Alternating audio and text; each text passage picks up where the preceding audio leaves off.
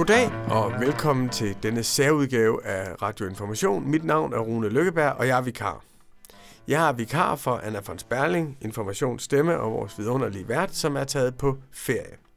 Jeg har lovet en særlig udgave af Radio Information her i sommer, hvor vi giver jer, vores lyttere, en fødselsdagsgave. Det er nemlig sådan på Information, at når vi har fødselsdag, så giver vi gerne gaver til andre.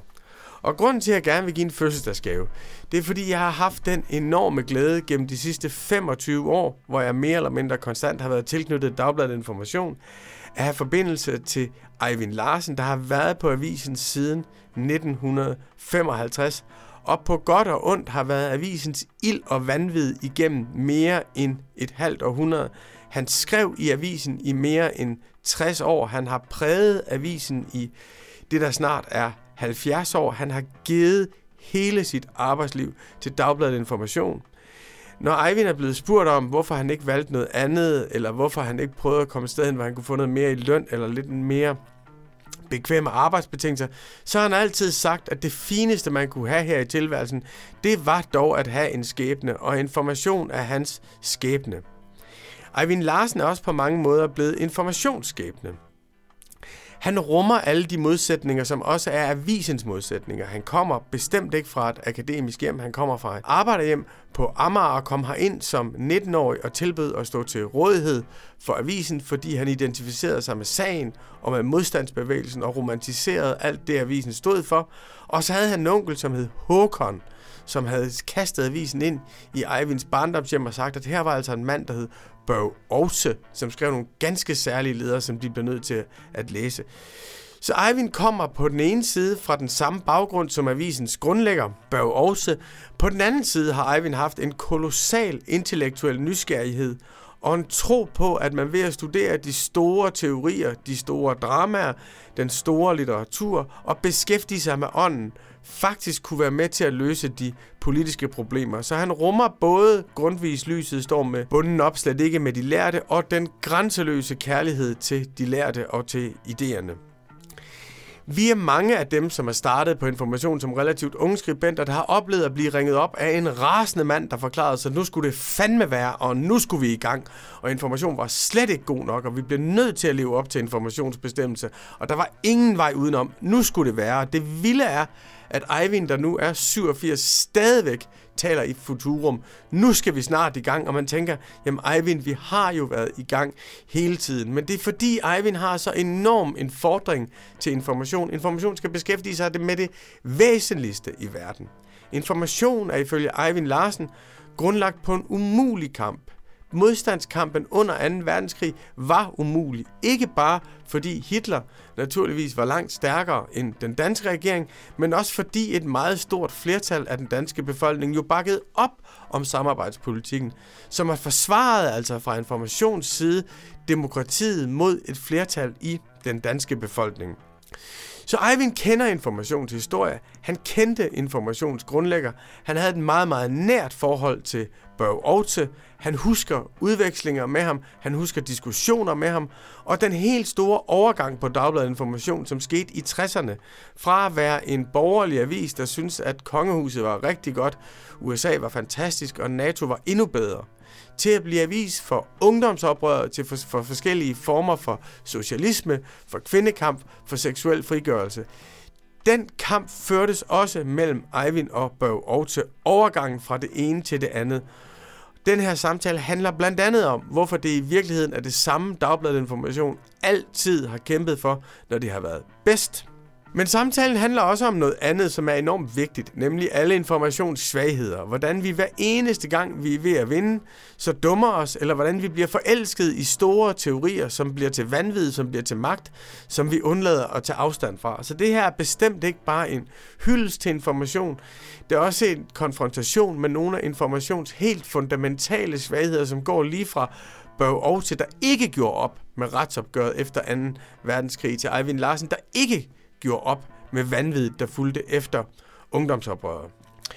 Eivind har været en mentor for rigtig mange af os, for Jørgen Sten Nielsen og mig. Vi har i årvis haft løbende udvekslinger og nærmest daglige, i hvert fald ugentlige møder med Eivind, hvor vi har diskuteret, hvad der var meningen med avisen. Og jeg mener i virkeligheden, Eivinds vigtigste bidrag til information, det er ikke det, han har skrevet, men det er det levende ord, det er den fordring, som han har givet videre. Derfor har jeg også et nært forhold til, til Eivind, og det vil også fremgå af samtalen, at vi har et nært og et personligt forhold. Det er bestemt ikke et forhold uden modsætninger, uden konflikter, men det er også et forhold, der er baseret på en gensidig overenskomst om ubetinget hengivenhed til det projekt, som er Dagbladet Information. Eivind har i årtier boet nede i det, vi kaldte hulen på Esplanaden her i, i København, men han er for nylig flyttet i en ældrebolig i Gentofte, og det er der, jeg har taget ud med vores optager og besøger Eivind, og jeg kan sige på hans natbord, der ligger på den ene side Shakespeare, og på den anden side Bibelen. På hans læsebord, der ligger en anden udgave af Bibelen, og et helt nyt manifest, som er skrevet af den grønne ungdomsbevægelse. Og det er på en eller anden måde inkarnationen af Eivind Larsen, at han bliver ved med at studere Jesus, men også er vildt optaget af, hvordan de unge mennesker de vil i gang med at forandre verden. Og selvfølgelig synes han, information spiller en hovedrolle i den proces. Her følger min samtale med Eivind Larsen.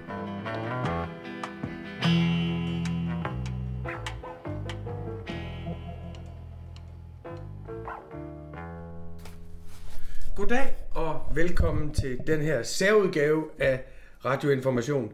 Mit navn er Rune Lykkeberg, og jeg har lovet en særlig overraskelse til lytterne, og jeg mener selv, at det særlige ved information, det er, at når vi har fødselsdag, så giver vi gaver til andre.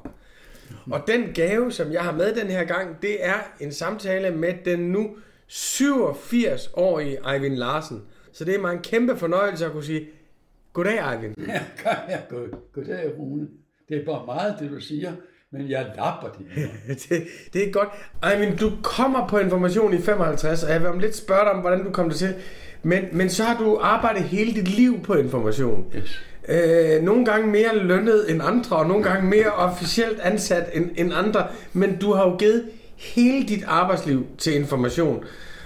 Og guderne, nu vi har talt så meget om dem allerede, skal jo vide, at information kan også være en frygtelig arbejdsplads. Altså et frygteligt sted, hvor vi overvurderer os selv, og vi tror, at vi gør modstander. I virkeligheden fejrer vi os selv, og hvor vi kæmper så meget internt, så vi slet ikke ser verden udenfor, hvor vi bliver så forelsket i alle mulige åndssvage idéer, at vi bevæger os langt væk fra den virkelighed, vi siger sig repræsentere. Hvordan har du kunnet holde information ud i alle de år? Fordi at den samler folk op, Altså, det der var karakteristisk for, øh, øh, for ham der, Jørgen, øh, som ved alt muligt om alt det, man skal vide noget om i dag, at, at vi ved, at det er klogt ved at bruge for meget af den, og, og derfor skal vi se at få lavet hele vores liv om, og en blå og grønne og alt muligt andet omstilling. Han hedder altså Jørgen Nielsen. Uh, at uh, han, han er jo beskedenheden selv. Altså, øh, øh Jørgen kan jo ikke komme i tanke om at, at, at fremhæve sig selv som øh, verdens førende klima og alt muligt andet miljø, øh, øh, hvad han jo er, øh, simpelthen. Og, og, og, og, og den der form for elementær øh, beskedenhed, øh, den, øh, øh, altså nu, nu, nu tager vi så og springer fra øh, den oprindelige grundlæggelse, og for hvad var det for nogen, øh, der grundlagde information? Det var nogle folk, som altså, det har jeg jo lige sagt, kraftedeme ikke kunne leve med, at vi brugte vores solflæsk til at hjælpe Hitler med at udrydde jøderne. Det må man altså, det må man kraftigt gøre modstand mod. Selvom vi godt vidste, at alle de kloge havde den opfattelse, at, øh, at øh, selvom at Eisenhower og Montgomery og Stalin og hvad de hed alle sammen, for sekretæren Churchill, så ville, de, så ville det alligevel ende med, at øh, Hitler fik magten over det meste af kontinentaleuropa, og herunder formentlig også Danmark, øh, et stykke tid, indtil det hele også ville ramle for ham. Så skulle man gøre modstand alligevel, selvom det i en vis forstand var fuldstændig overflødet og meningsløs, så skulle man gøre modstand alligevel. Det er sådan nogle typer, som, som ikke kan andet end det må de jo gøre. Det er jo det mest åndssvage, hvis man skal lave journalistik, om det nytter eller ej. Gak, gak, gak, gak. Det overlader man til politikken. Det er politikkens opgave hele tiden at sikre sig, at det man gør, det er nyttigt. Men det information har, det er det, at det er nødvendigt. Det er en helt afgørende forskel i dansk presse i dag. Dem, der tror på, at noget skal gøres, fordi at det er altså, ja, øh, gavnligt og alt muligt andet, det, det er gavnligt. Nej, vi er ikke interesseret i, hvad der er gavnligt. Vi er interesseret i, hvad der er nødvendigt. Og det kan udmærket godt være det, at man bliver nødt til, og jeg bliver nødt til nu at patetisk og minde om, at hovedparten af dem, der i sin tid hjalp ham der grundlæggeren, Børge Aarhus, med at grundlægge det her foretagende, det er altså folk, som faktisk mistede livet for det. Af mange uheldige grunde, og bestemt ikke, fordi de var særlig modige eller noget, men, men det gik altså sådan. Ikke?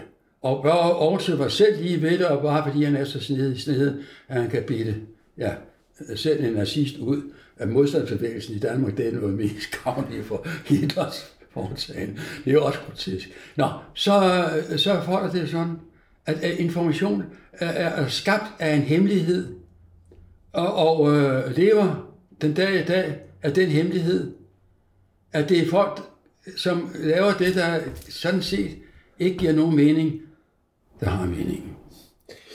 Eivind, øh, du kommer selv ind på Information 1955, og du er ikke særlig gammel på det tidspunkt, og du er heller ikke særlig uddannet. Nej. Kan du ikke fortælle om, hvordan du kommer ind på Information? Altså for at sætte, øh, for at nu at være konkret, ikke, så var jeg altså 19 år, og havde knap nok lært at knap i en bukser, hvis jeg nu skal være helt ærlig. Og, øhm, og min studentereksamen, den er i hvert fald ikke noget at tale om. Så det gør vi ikke. Så kom jeg ind på den måde, at øh, jeg gik øh, derind øh, efter at have været en tur med min meget gode studenterkammerat rundt om øh, alle de steder, hvor Hemingway og, og øh, den øh, øh franske og især spanske modstandsbevægelse under krigen havde fungeret. Så opsøgte vi alle de steder, og så kom jeg hjem, og så øh, gik jeg ind øh, på bladet og sagde, at jeg vil gerne snakke med Aarhus, fordi at øh, jeg havde tænkt mig at øh, tilbyde min arbejdskraft gratis, indtil jeg nu skulle ind i overensstemmelse med bladet, øh, sådan så jeg forstået det, opfattelse og, og, og, og aftjene min værnepligt. For de russere, de skulle fandme ikke tro, at vi ikke havde lært noget af vores dumhed 9. april. Så du kommer og tilbyder dine indtil videre stærkt oversete talenter som 19-årig? Præcis. Og hvordan blev det modtaget? Det blev modtaget på den måde, at jeg havde overhovedet ikke tid til at beskæftige sig med mig. Men jeg kunne få lov at kravle nedenunder i noget, vi er nærmest opfattet som kælderen, men det havde faktisk udsigt lige ud til alle cyklerne ude i Sankt Anne Passage. Nå, der fik jeg så lejlighed til at tale med bladets egentlige praktiske daglige chef. Han hed Ove Martin, og Claus Rifbjerg har skrevet ikke mindre end to nøgleromaner om ham, der hedder en Black. Og, og, og han er virkelig så inspirerende, så øh, Rifbjerg skulle altså bruge to romaner på at, at skildre Black, eller altså Ove Martin. Nå, øh, og han sad så der øh, i, i sin, øh, altså det var en, en, en sådan en læderjakke. Længe før alle læderjakkerne var opfundet. Så sidder bladets egentlige drivende daglige kraft i læderjakke. Og hvad fanden jeg bildt mig ind? Jamen, jeg mente altså, at øh, når, når nu at jeg i den grad havde forstået, på også ville med den der avis, øh, så kunne jeg da godt altså tilbyde min gratis arbejdskraft, når nu i overensstemmelse med bladets udtrykkelige ønske skulle ind og springe soldat, så var der alligevel et par måneder, i hvert fald et andet, og der ville jeg gerne stille min, øh, ja, øh, jeg havde faktisk skrevet øh, og være med til at udgive et skoleblad. Og jeg havde faktisk skrevet et stykke, som øh, Christianshavns Gymnasium valgte at spille på bekostning af Kjeld Abel og, øh, og, og Holberg og hvad det nu ellers skulle have fundet på det. Øh, så blev det alligevel Eivind Larsen, de spillede. Og det endte med, at jeg kom på forsiden af politikken. Øh, Hvilket du selvfølgelig allerede dengang overhovedet ikke tog dig af. Tværtimod det, det var jo farligt, og det, og det var udtryk for, at jeg nok har gjort noget forkert, siden at politikken synes, at jeg ligefrem skulle på forsiden. Så øh, på den baggrund mente jeg nok, at, øh, at jeg kunne tilbyde bladet noget. Så sagde øh, Ove Martin til mig, hvad fik du egentlig? Og, og, og hvad fik du egentlig i stil, i dansk stil? Og det var så rystende dårlige karakterer, begge dele, at han sagde, og nu er det altså ordret, det har jeg alligevel aldrig stået overfor før. En mand, som ikke engang er fyldt 20 år, og som har fået en elendig studentereksamen. Bare at vi ikke betaler ham noget for det. Så kan jeg love dig for, at så får du lov.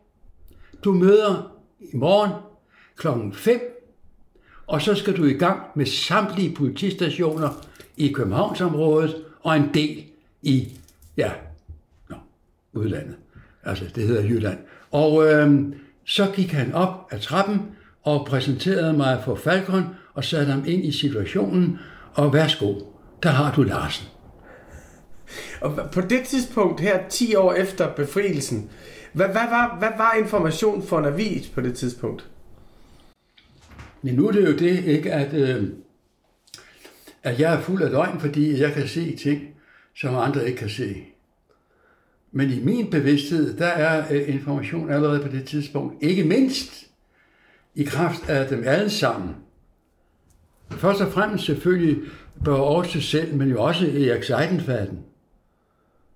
Og, øh, øh, og, og, og, og, og, og i den grad øh, vores daværende kulturredaktør, Johannes Møller.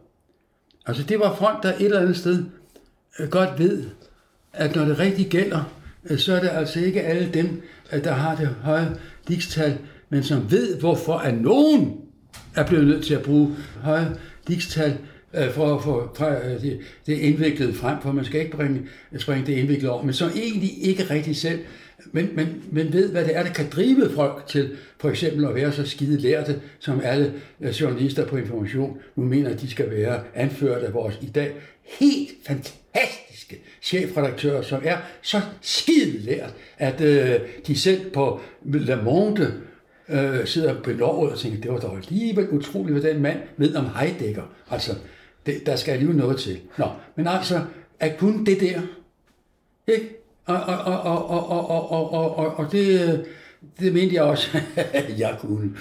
Og, og på den måde øh, endte så også med, at øh, Seidenfaden spurgte mig, sig mig øh, da jeg så skulle ind og springe soldat, hvad har vi, hvad har vi, hvad har Ove og, og, og, og Børge egentlig givet dig? Jeg har da ikke fået noget. Jamen, kommer du fra sådan, jamen, jeg er pansat. Jeg har, har pansat noget tøj og sådan noget. Så så har jeg nok fået det finansieret. Nu får jeg jo, nu, nu får jeg jo som soldat jo øh, noget. Har du selv finansieret? Nej, det er alligevel for det, den tid, du har været her på information. Nå, jamen så, så, så får du noget nu. Så kan du rejse, trods alt, så kan jeg have, jeg har også lidt bedre samvittighed. Men mit hovedbrag, øh, det var jo, at, øh, at, at, at jeg havde hørt øh, Erik Knudsen, vores store digter dengang, holde et foredrag i studenterkredsen, den grundviske studenterkreds i Vartov om, at det var helt forfærdeligt, den måde, som vi mishandlede øh, børnene i vores opdragelse, fordi at, at vi troede, at de først og fremmest øh, skulle lære kongerækkerne alt muligt ud af. De skal dels ikke lære kongerækkerne ud af, de skal tværtimod tro på dem selv og få alt det kraft og saft, de har i sig, og så videre, og så videre, og de skal dække det løs, for først når man selv dækker det løs, så fatter man, hvad pokker af øens lærer egentlig vil med alt det der. Og det skal rime, og nogle gange skal det dels ikke rime, og alt det der. Så det var ligesom et opgør med den sorte skole? Der så jeg ud. Så, så tog jeg ud øh, til øh, Erik Knudsen øh, på, øh, øh på Krogerup, øh, hvor han var her dengang, og, og, og, og, og, og sagde, at... Øh, at øh, jeg havde en øh, redaktionschef, som ikke mente, at sådan noget havde noget værd. Men, øh, øh men nu øh, ville jeg alligevel gøre forsøget og, og lave det der, hvis du vil, øh, besvare mine spørgsmål. Øh, øh, og, og, og, og, og så vil jeg prøve, om, om, om, om, om og han havde selvfølgelig hørt om Uwe Martin hundredvis af gange, om, om Uwe Martin så alligevel øh, ikke vil tage den. Nå, sådan. Øh, hvad du siger, du har lavet i gymnasiet, øh, ja, udover det, det havde jeg prøvet at få spillet, så har jeg også øh, spillet nogle trommer. Så starter vi der. Så tog han mig med over i gymnastiksalen, hvor han havde sit eget trommesæt. Så spillede vi de trommer lidt sammen. Ikke? Altså, Selvfølgelig anførte jeg Knudsen. Og da vi så havde trommet lidt, så gik vi tilbage der, hvor han boede på Krogerup, så sagde nu skal jeg bare høre her. Nu, nu stiller du mig det her spørgsmål. Så dikterede han det. Og så svarer jeg, og så dikterer han det. Og så svarer du igen ved at stille det og det spørgsmål. Og når du så har skrevet ned, så svarer jeg. Og så skrev jeg det hele ned, sådan som Ove, sådan som øh, Knudsen havde dikteret det. Og så gik jeg hjem og afleverede det til øh, øh, Ove Martin, som så med dyb mistro på det. Og så gik der en halv time, så kom han styrten op, og han sad nede i kælderen. Det er jo genialt. Så det har vi haft meget glæde af, Knudsen og jeg siden, at det var ham, der fik mig ansat på information. Og det er så blevet til evig tid. Og den store, store anti-autoritære pædagog, han fortalte ligesom, hvad for nogle spørgsmål, man skulle stille ham, så man kunne få det helt rigtige svar. Fuldstændig rigtigt. Der skal autoritet til at afskære og bekæmpe det autoritære. Det kan jeg selv tage med om. Det kan jeg godt love dig, du. Er du sindssyg? Ej, men du får jo også på et tidspunkt, så laver du, og her er vi jo lidt senere i historien, men der laver du også et interview med kampmanden, med, som er den daværende Ja, det er jo statsminister. mit gennembrud. Det er Det er mit- mit verdenshistoriske gennembrud. Ja, øh, for, fortæl om, hvordan det kom i stand. Det er kommet i stand af, at jeg var, er vokset op i et strengt kristen hjem, som har følt sig forpligtet til at holde Kristi Dagblad. Og det har jeg alt for meget at sige om, på godt og ondt, men også på godt. Så øh, læser jeg Den onde lyne mig øh, i mine forældres blad, og det hører altså med, at det var min onkel, øh, der fik indført information på Jansvej nummer 9. På Amager. Ikke, ikke min far. Boede du stadigvæk hjemme på det tidspunkt? Ja.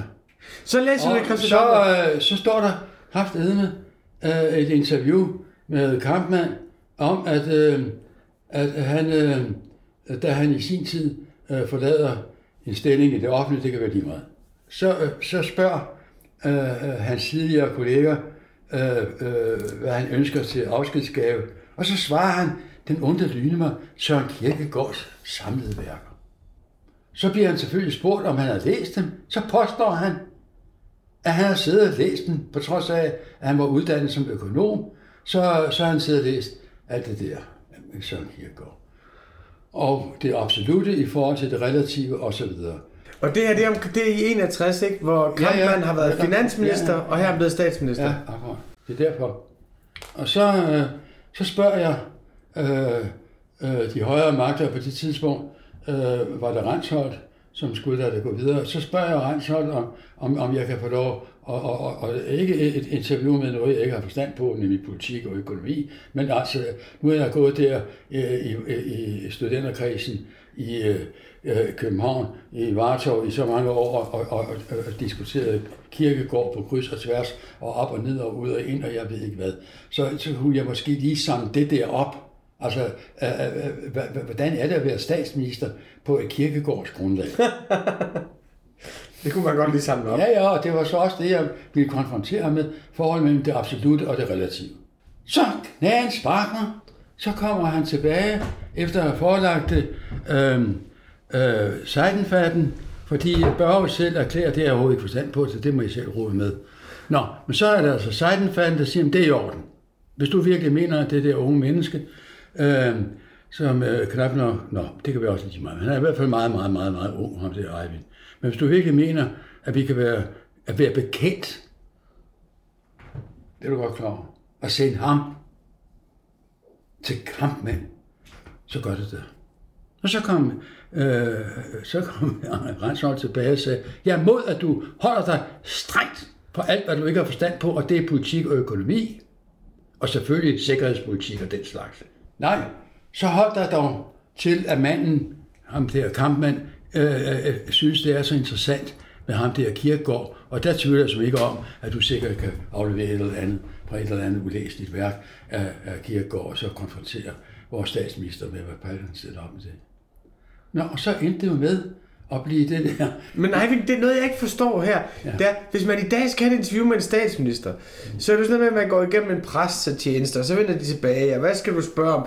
Det er jo en vældig omstændelig øh, proces. Altså, hvordan fanden går det til, at 25-årige Eivind, uden nogen videre forudsætninger, får lov til at, altså, kommer i kontakt med statsministeren, og kan cykle ud og besøge ham ude på Amager?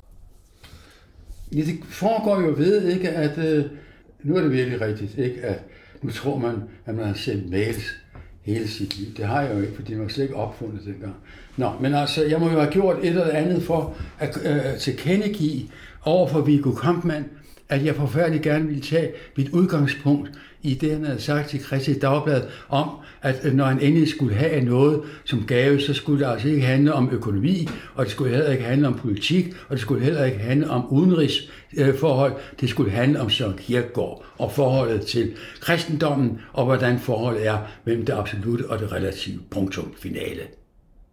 Det synes jeg var skide spændende, og om ikke jeg måtte komme og lave et interview med ham om at få det uddybet. Og så inviterer han mig, og så knagen spark mig, og man ikke nærmest til en begyndelse starter med at sige, at jeg er fuldstændig enig, og kan, jeg keder mig sådan over især økonomi, men også over politik. Jeg vil meget hellere læse om, hvad Ville Sørensen og hvad Løgstrup mener. Altså, ved du hvad? Jeg har studeret økonomi, og jeg har holdt foredrag om økonomi, og jeg har været økonomi, øh, øh, øh alt muligt andet, øh, minister og sådan noget. Det er hedeligt, ud over hvem skyld. Men det her, det her er sandelig spændende.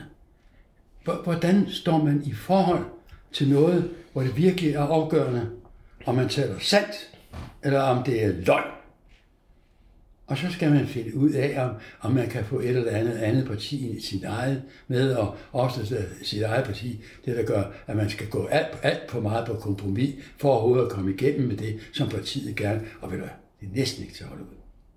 Men det her, at kunne få et forhold til, øh, øh, til, til, til altså sådan nogle mennesker, øh, som for eksempel Ville Sørensen og K.E. Løgstrup, det, det synes jeg, det er noget værd. Og derfor er det også fint, at du kommer og interviewer mig med det her. Og det var jo så øh, baggrunden for, øh, at da jeg så øh, umiddelbart efter øh, det der øh, at et interview vagt kolossalt op til. Jeg husker, at ved en bestemt lejlighed, der skulle jeg øh, ind og referere et eller andet i studenterforeningen, som stadig eksisterede dengang. Og så begyndte de at snakke på vejen op. Det der interview, i information i forgårs med, med, med, med Vigo. Jamen gud, hvor er det dog spændende. Og jeg var jo lige ved at bryde Det er mig, der har lavet det. Men Eivind, der er også her, det, det her berømte citat kommer. Altså, det interview. Hvordan er det, det går? Altså, det der, hvor Viggo Kampmann appellerer til det, det er jo... På den ene side, så siger Viggo Kampmann, politik i snæver forstand interesserer mig egentlig ikke særlig meget, men hvis man med politik tænker bredt, ja det at forme hele menneskets tilværelse, så interesserer det mig enormt meget. Noget i den retning, siger han. Og siger, på den måde ligesom siger, at den større kulturkamp er vigtigere end den snævre administration af samfundet. Ja. Men det er fuldstændig rigtigt.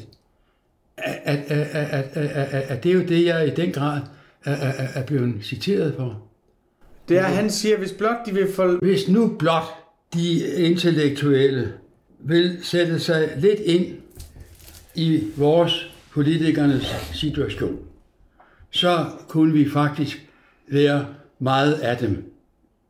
Men det forudsætter jo, at de også accepterer vores situation og kender til den. Men der kunne vi opnå meget.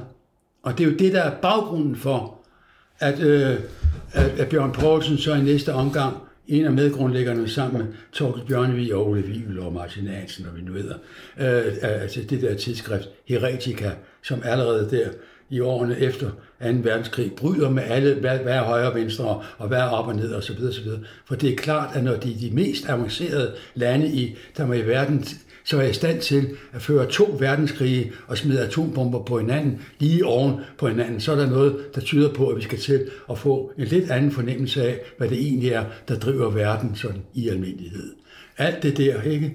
det er jo baggrunden for, at, øh, at jeg overhovedet selv er op, i det vild grad optaget af, at på sin egen måde, øh, så, er, ja, på sin måde også, og på sin måde, øh, altså kampmann, vi kom optaget det samme. Der er et eller andet, der er gået galt i, i selve øh, grundlæggelsen af den moderne og mest øh, avancerede civilisation, at vi ovenpå øh, en første verdenskrig, så kaster os ud, øh, og det er stadigvæk ikke Øh, underernæret og hvad vi er, under et eller andet syd for Sahara. Men det er de højst begavede, højst uddannede, højst avancerede, de allermest avancerede. Det er dem.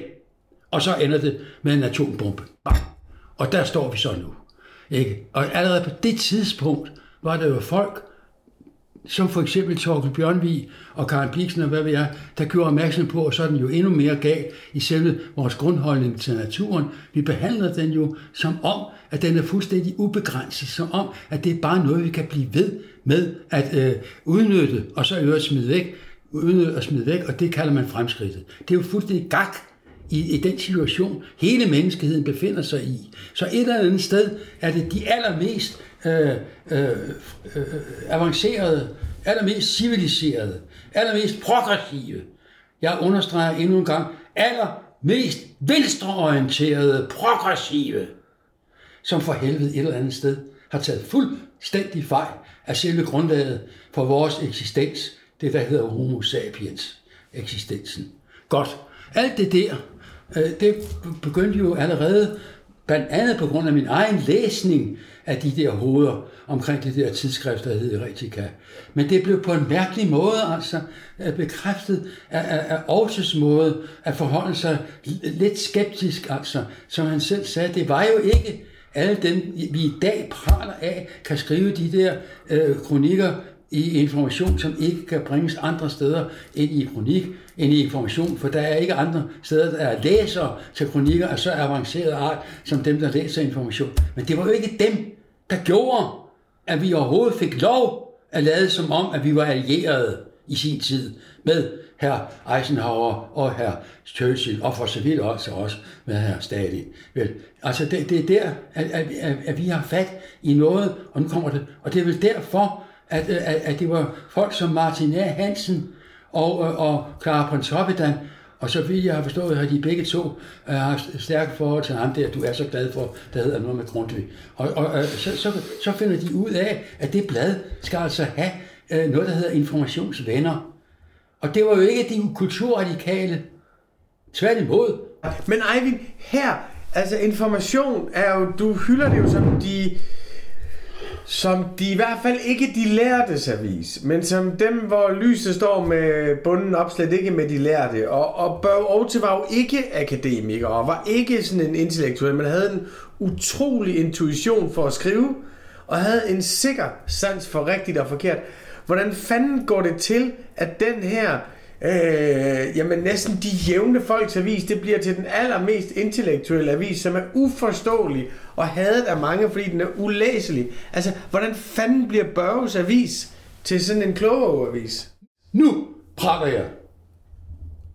Nøjagtigt det spørgsmål vendte Børge også gang på gang tilbage til, og da han bildte sig ind, at jeg havde givet ham svaret, så endte det kraftedme med, at han på et afgørende øh, redaktionsmøde, hvor han skulle skære igennem, fordi nu var alle fraktioner på bladet i totterne på hinanden, og så endte han fandme med at sige, det må jeg skulle spørge Eivind om.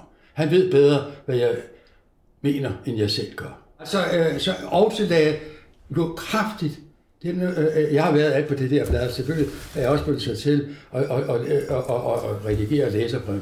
Og der fik jeg jo strengt pålæg af chefen selv, at hver gang information bliver kritiseret, så går det forud for alt andet.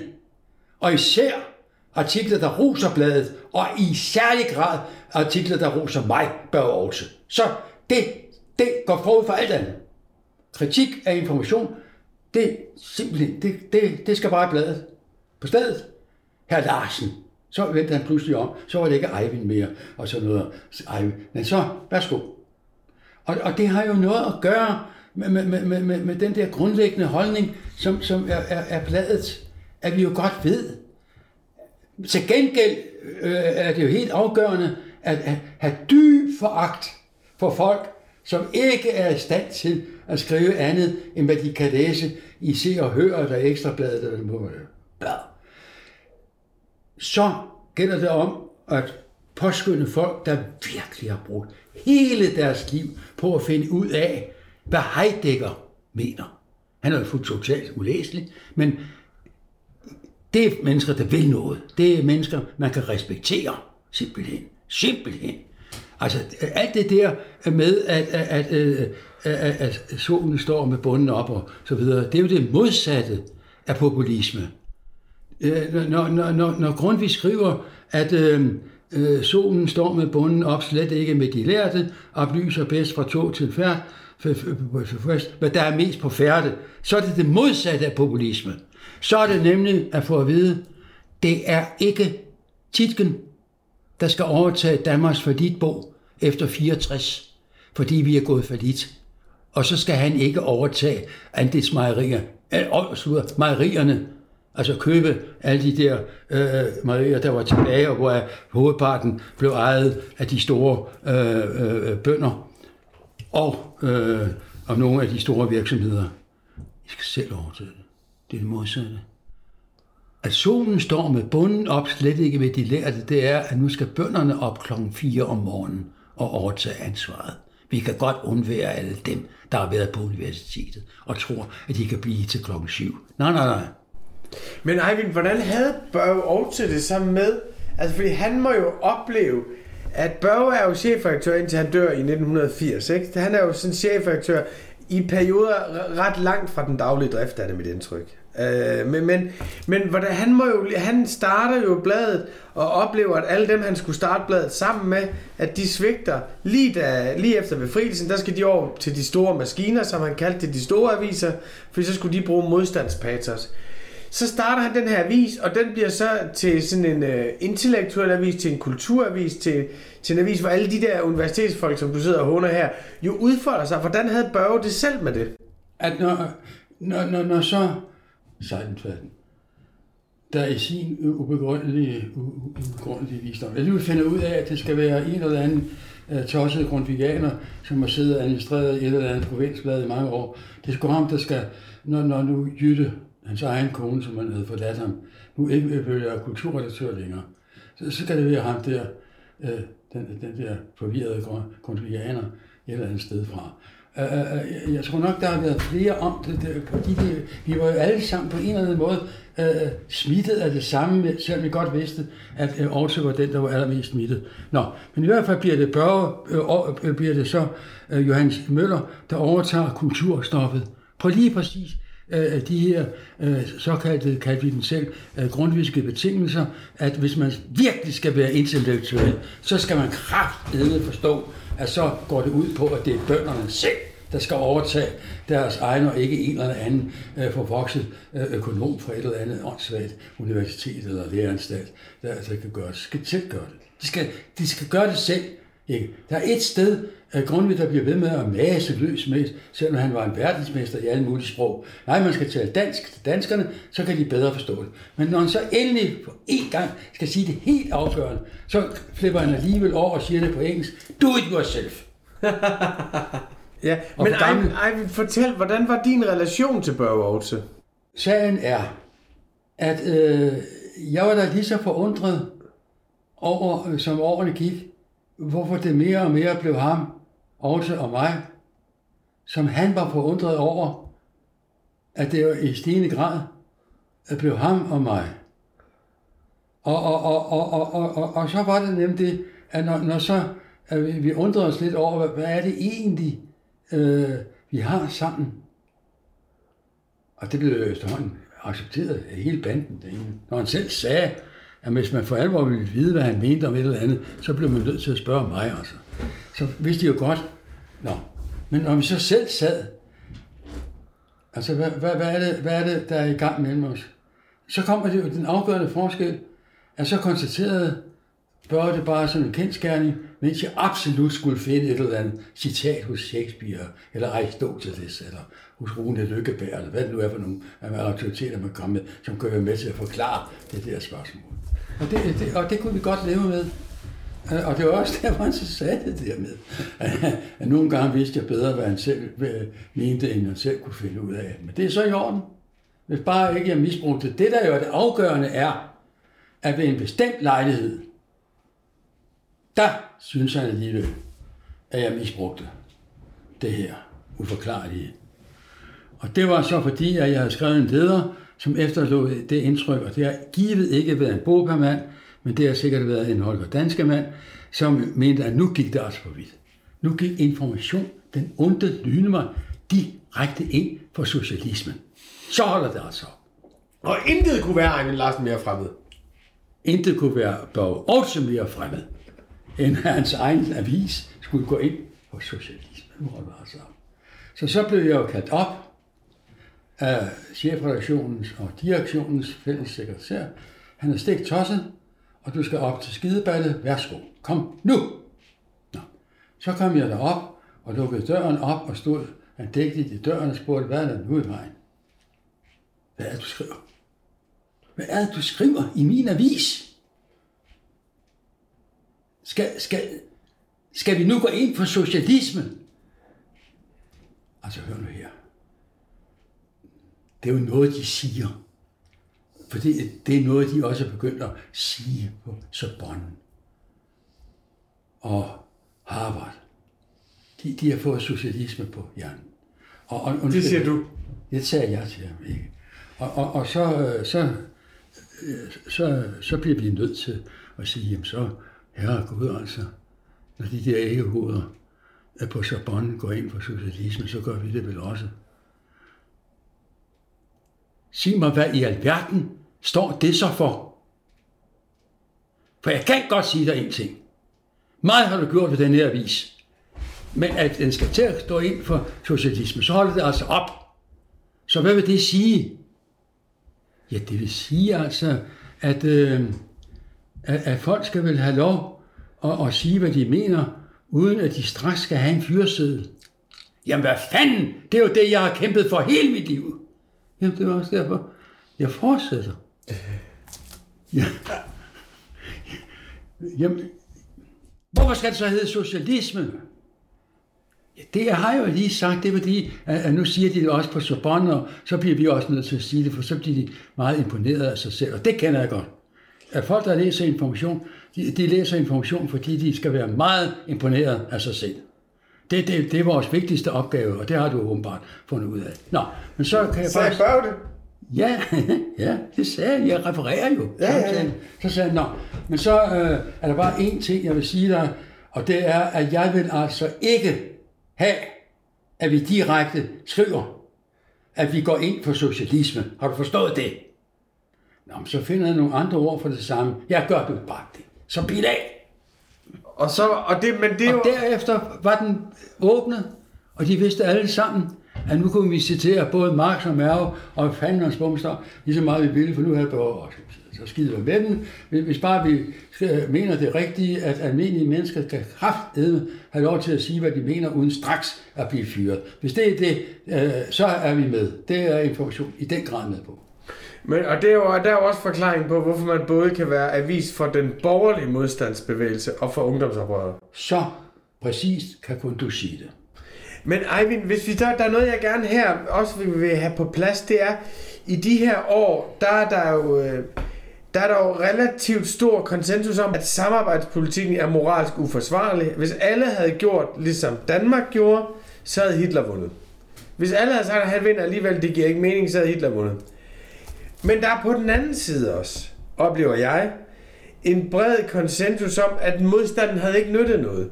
Hvis vi har stillet os op nede ved grænsen, så var 40.000 danskere blevet meget ned på en eftermiddag, så var de kommet og taget jøderne og forskellige andre. Bagefter, så havde vi stået dernede for, og det var ikke, det var ikke dem, hvis moral vi havde forsvaret. Det var unge mænd, som havde skulle forsvare de fine inde i Københavns moral ved at ofre deres liv dernede, og så var nazisterne kommet og havde taget vores land. Øh, og, og, øh, og det havde kostet mange, mange jøder livet. Så på den ene side er der konsensus om, at samarbejdspolitikken er moralsk uforsvarlig. På den anden side er der også konsensus om, at alt andet end samfundspolitikken vil, øh, samarbejdspolitikken ville være umuligt og vil have nogle omkostninger, vi ikke vil forsvare. Hvad er egentlig informationsholdning til samarbejdspolitikken? Det er den, at vi kunne dog for fanden have gjort det, som de gjorde i Norge. At sige, at hvis I virkelig vil overtage ledelsen, den daglige ledelse af Norge, så skal I kraft med os selv gøre det. Vi skal ikke lede Norge på jeres vegne. Og derfor forlader nu øh, øh, øh, øh, øh det danske, øh, den norske konge, øh, sit kongerige osv. Det var Børges holdning. At, at, at, at, at, at, at, det var for uselt. For nu at citere ham selv, ikke? Modstandskamp, modstandsbevægelsen opstod i kvalmende afsky mod den politik, som gik ud på, at man bare skal hytte sig.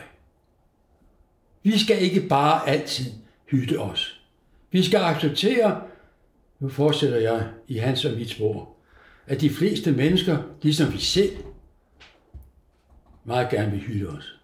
Men gang bliver man kraftigt nødt til at sige, nej, hvis de lige frem kommer trampende ind og sætter sig og siger, nu skal de have de afgørende ord, så skal de fandme også selv stå for det.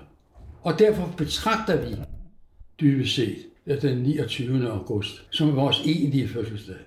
Fordi vi kan fandme ikke holde den der samarbejdspolitik ud, der går ud på, at vi er egentlig modstandere, men vi vil gerne hjælpe Hitler øh, med nogle kartofler og noget dansk.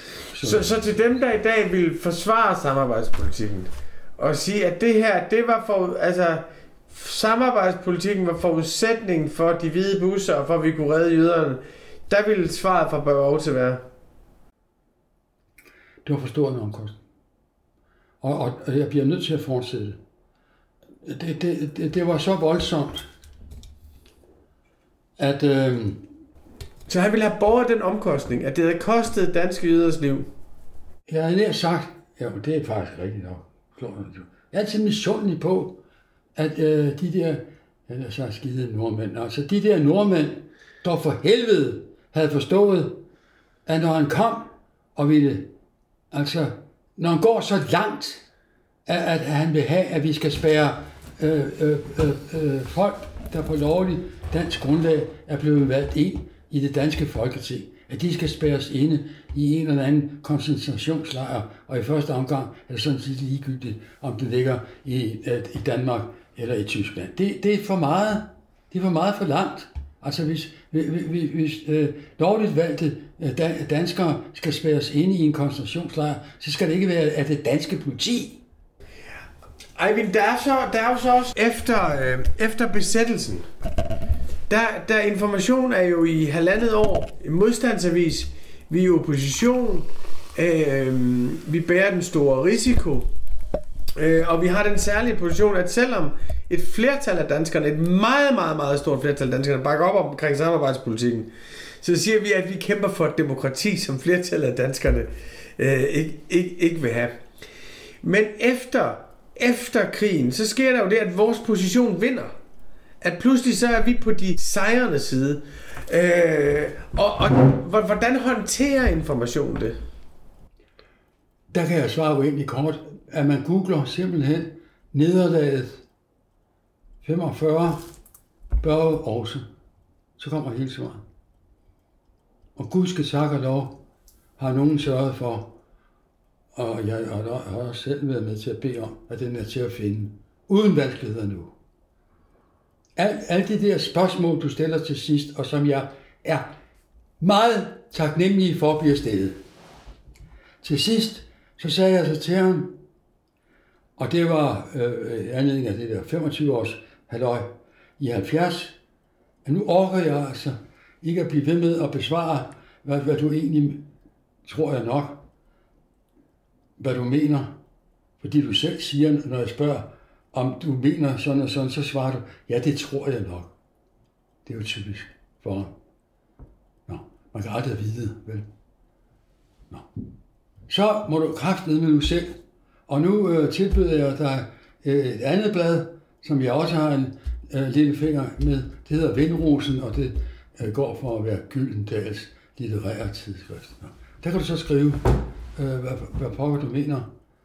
Og, og, og så gør han det knæme, og skriver svaret på det helt afgørende spørgsmål om, hvad information står for, om typisk for ham, så i stedet for at offentliggøre det i sit eget blad, så offentliggør han det i Gyldendals litterære øh, tidsskrift Vindrosen. Der står det så. Nederlaget 45, ja. Og, og man kan google det, jeg har lige gjort det. for at være helt sikker på, at, at, at det er rigtigt, og jeg kan godt vise det på min egen. Det ligger der. Godt. Det kan enhver læser af information, herunder du selv, bare skaffe sig, det, der, bare skrive ned, nederlaget, hør, hør, Børge Aarhus, så kommer den lige på stedet. Men og der, der hele svaret. Men Eivind, der er jo også en udveksling mellem dig og Børge, som jeg er meget nysgerrig på her, som er utrolig vigtig for informationshistorien, for det er jo så efter retsopgøret. Der skriver K.I. Løstrup blandt andre en bog, der hedder Opgørelse Nødvendighed. Yes. Øh, og, og, øh, og retsopgøret i Danmark er jo en, øh, skal vi sige, relativt intens affære. En entydig og intens affære, som starter med de små, og så ruller og ruller og ruller ud af. Og den bog, som hedder Opgørelse Nødvendighed, som Løstrup og Østergaard Nielsen og Wilhelm Krav, var det ikke de tre, der skrev? Jo. Den sender de til Børge Aarhus, men den bliver aldrig anmeldt eller omtalt i information. Øh, fortæl om, hvorfor den ikke blev det. I betragtning af, at han selv ikke forbød mig at give svaret øh, til læserne. Det er, hvis jeg må holde mig til hans eget ordvalg, det usligste, han har begået i sit liv. Men vi er alle, og nu er vi tilbage til ham der, den langtidsledige fra. Men hvorfor er det, han ikke gør det? Du skal hjælpe vores lytter lidt her. Hvorfor? Angst for oplevet. Angst. Og hvorfor vil han ikke... Hvad, hvad er det, som han burde have skrevet? Han burde selvfølgelig have skrevet, at når vi selv i den grad insisterede på, at danskerne skulle hjælpe sig selv fra at komme ud i ulykker, som kunne blive værre, langt værre, for små, rare og søde, almindelige, velmenende danskere, end dem, som hollændere og nordmænd var blevet ind i. Så blev vi nødt til at øh, spille den der meget dårlige samarbejdsmelodi, som heldigvis blev afbrudt på bladets fødselsdag, havde jeg altså sagt. Den øh, øh, hvad er det nu, 29. Øh, august øh, 1943. Den, hvor vi nu skal fejre Informations 80 års fødselsdag.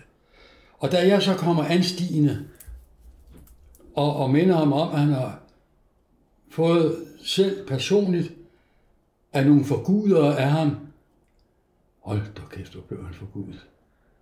Nogle forguder af ham, at nu måtte han altså simpelthen få ryddet op i den bule, der hedder retsopgøret efter 45, som jo er en svinestreg, som det kun er lykkedes Anders Fogh Rasmussen at overgå én gang. Nå, øh, og så svarede han på mit spørgsmål nu, de her mange år efter, hvor jeg så skrev artiklen om opgørelse nødvendighed osv. osv. I, øh, I form af en frygtelig masse ballade, øh, vi og bladet var mod ind i i forbindelse med Torben Christensen og hele opryddet, opgøret i, i partiet Venstre og så videre. Nå, så svarer han, ja, det er uselt, og forklaringen er, at vi tog ikke anmelde den, fordi vi var alt for enige med den. Og så ville vi lægge os ud med alt for mange læsere, som var så lykkelige over, at vi nu endelig kunne give folk, der havde arbejdet sammen med tyskerne, nogen på bæret, og så videre, og så videre. Så hvis vi skulle til at forklare, at det sådan set var os selv, der havde bedt folk om at lave alt det svineri, så ville der være for mange af vores ledere, der sagde, nu bliver det altså, det er meget morsomt med den avis, som altid skal mene det modsatte af det, den mener. Men nu er der altså for meget. Det var vi bange for, at de, folk kunne simpelthen ikke tåle at få at vide, at var der noget, modstandsbevægelsen ikke var, så var det støttet af det danske folk. Ej, men det kan, øh, her til sidst, det minder mig om, det der efter, det minder mig om en samtale, du og jeg, David Redling, havde en gang for mange år siden, som handlede om ungdomsoprøret. Fordi at ungdomsoprøret er jo også noget, som du støtter intenst. Og hvor David så siger, David Redling, vores tidligere desværre afdøde kollega, han så siger, at det udviklede sig til et galskab. Øh, noget af det gjorde i hvert fald. Noget af det er også ting, vi stadig sætter pris på i dag. Det er ikke for, at vi skal løse, løse gåden efter 68 i dag. Men det, der minder mig om, det er, at så siger du på det til sidst, fordi jeg siger til dig, jamen Eivind, hvorfor kunne I ikke tage afstand fra det, da oprøret blev til magt? Og kan du huske, hvad du svarede? Det er jeg ligesom Børge også fortrængt. du sagde til mig dengang, du siger til mig, David, det var på grund af opladet. At du, du vil ikke tage afstand fra ungdomsoprørets udskejelser altså af hensyn til informationsoplag. Og det jeg selvfølgelig tænker, Eivind, er det informations indbygget svaghed? Eller er det faren ved information? Det er, det er informationsstyrke for helvede. At vi har haft en chefredaktør, som godt ved, at det han begik dengang, hvor han med afsæt i selveste Søren Krabs far, og så Lykstrup, kunne have gjort den, det skide såkaldte retsopgør totalt. Svigtede, fordi at når alt kommer til alt, så går informationsoverlevelse forud for alt andet. Ja, Eivind, her til, til sidst, ikke allersidst, men til sidst, hvad vil, fordi det her er jo en fejl, som jeg oplever det. Jeg er enig i, det er stort at Børge og indrømme det. Og Børge indrømmer det også med lidt mindre forsinkelse, end du selv indrømmer det på ungdomsoprør. men, men, men hvad vil være der, hvor vi skulle passe på med det i dag? Altså, hvor er det, at vi bilder os ind i dag information uden modstandsbevægelse, men vi, er blevet, men vi er blevet en del af magten? Hvor er det, at vi skal udfordre os selv? Hvad er min risiko? Nu øh, er der jo ikke øh, fjernsyn på. Jeg bliver nødt til at indrømme, at når jeg bliver presset så direkte og så godt og så stærkt, og så ondskabsfuldt, så bliver jeg altså nødt til at rejse mig op, når du så ovenkøbet stiller det spørgsmål. Og det er øh, slet og ret for at smire dig, at du for cirka en måned tid siden skrev, at hvis vi fortsat skal påstås at være en avis for venstrefløjen, så skal venstrefløjen i gang med et selvopgør, som nærmest er det ordet revolution betyder.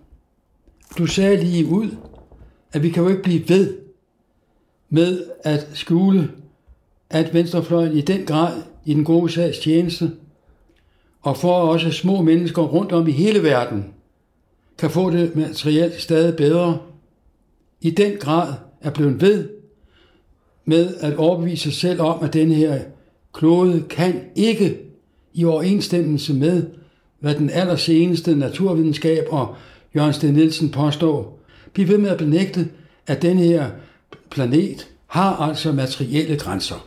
Og derfor giver det ingen mening længere at bygge øh, venstrefløjen først og fremmest på kravet om, at nu skal de dårligt stillede materielt have det, have det bedre, også selvom det så kræver, at de bedst stillede skal have det bedre. Den går ikke.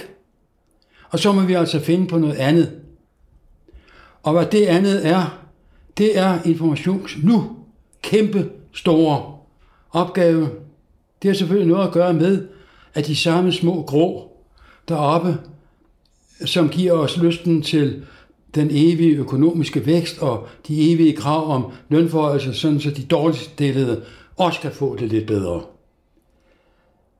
Det er også, det, der er forudsætningen for, at vi kan begynde at stille såkaldte krav, altså såkaldt, ja, og det er et dårligt ord, men nu er det altså ordet, åndelig betydning. At så må vi til på en helt anderledes måde, når vi ikke bare, selvfølgelig skal de dårligt stillede hele verden rundt have det bedre, men det betyder altså ikke, at foranværende chefredaktører på information for eksempel skal have så høj en pension, og det er jo højt på, som vedkommende, jeg tænker på en ganske bestemt herre, jeg har det for tiden. Han kan godt undvære noget. Og den nuværende chefredaktør kan også godt undvære noget.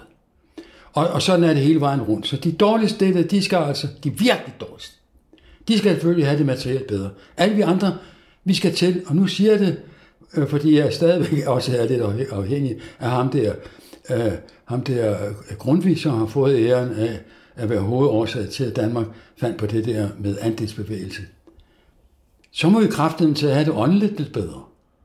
Og der er nok at tage fat på, og når jeg tænker på den skare af kulturfolk, du allerede har samlet om dig, og som øh, drømmer efter at blive ansat på selveste information. Hold dog kæft, hvad der er af gode opgaver, som lige venter på Rune Lykkeberg. Ej, vi her til allersidst. Du er nu 87 år gammel. og øh, stadigvæk utrolig frisk, men du holder jo ikke for evigt. Altså, vi er jo nået, vi er jo nået, det, vi er jo nået det stadium i dit liv, hvor det sted, hvor du nu er flyttet ind, er det, vi kalder for næstsidste station.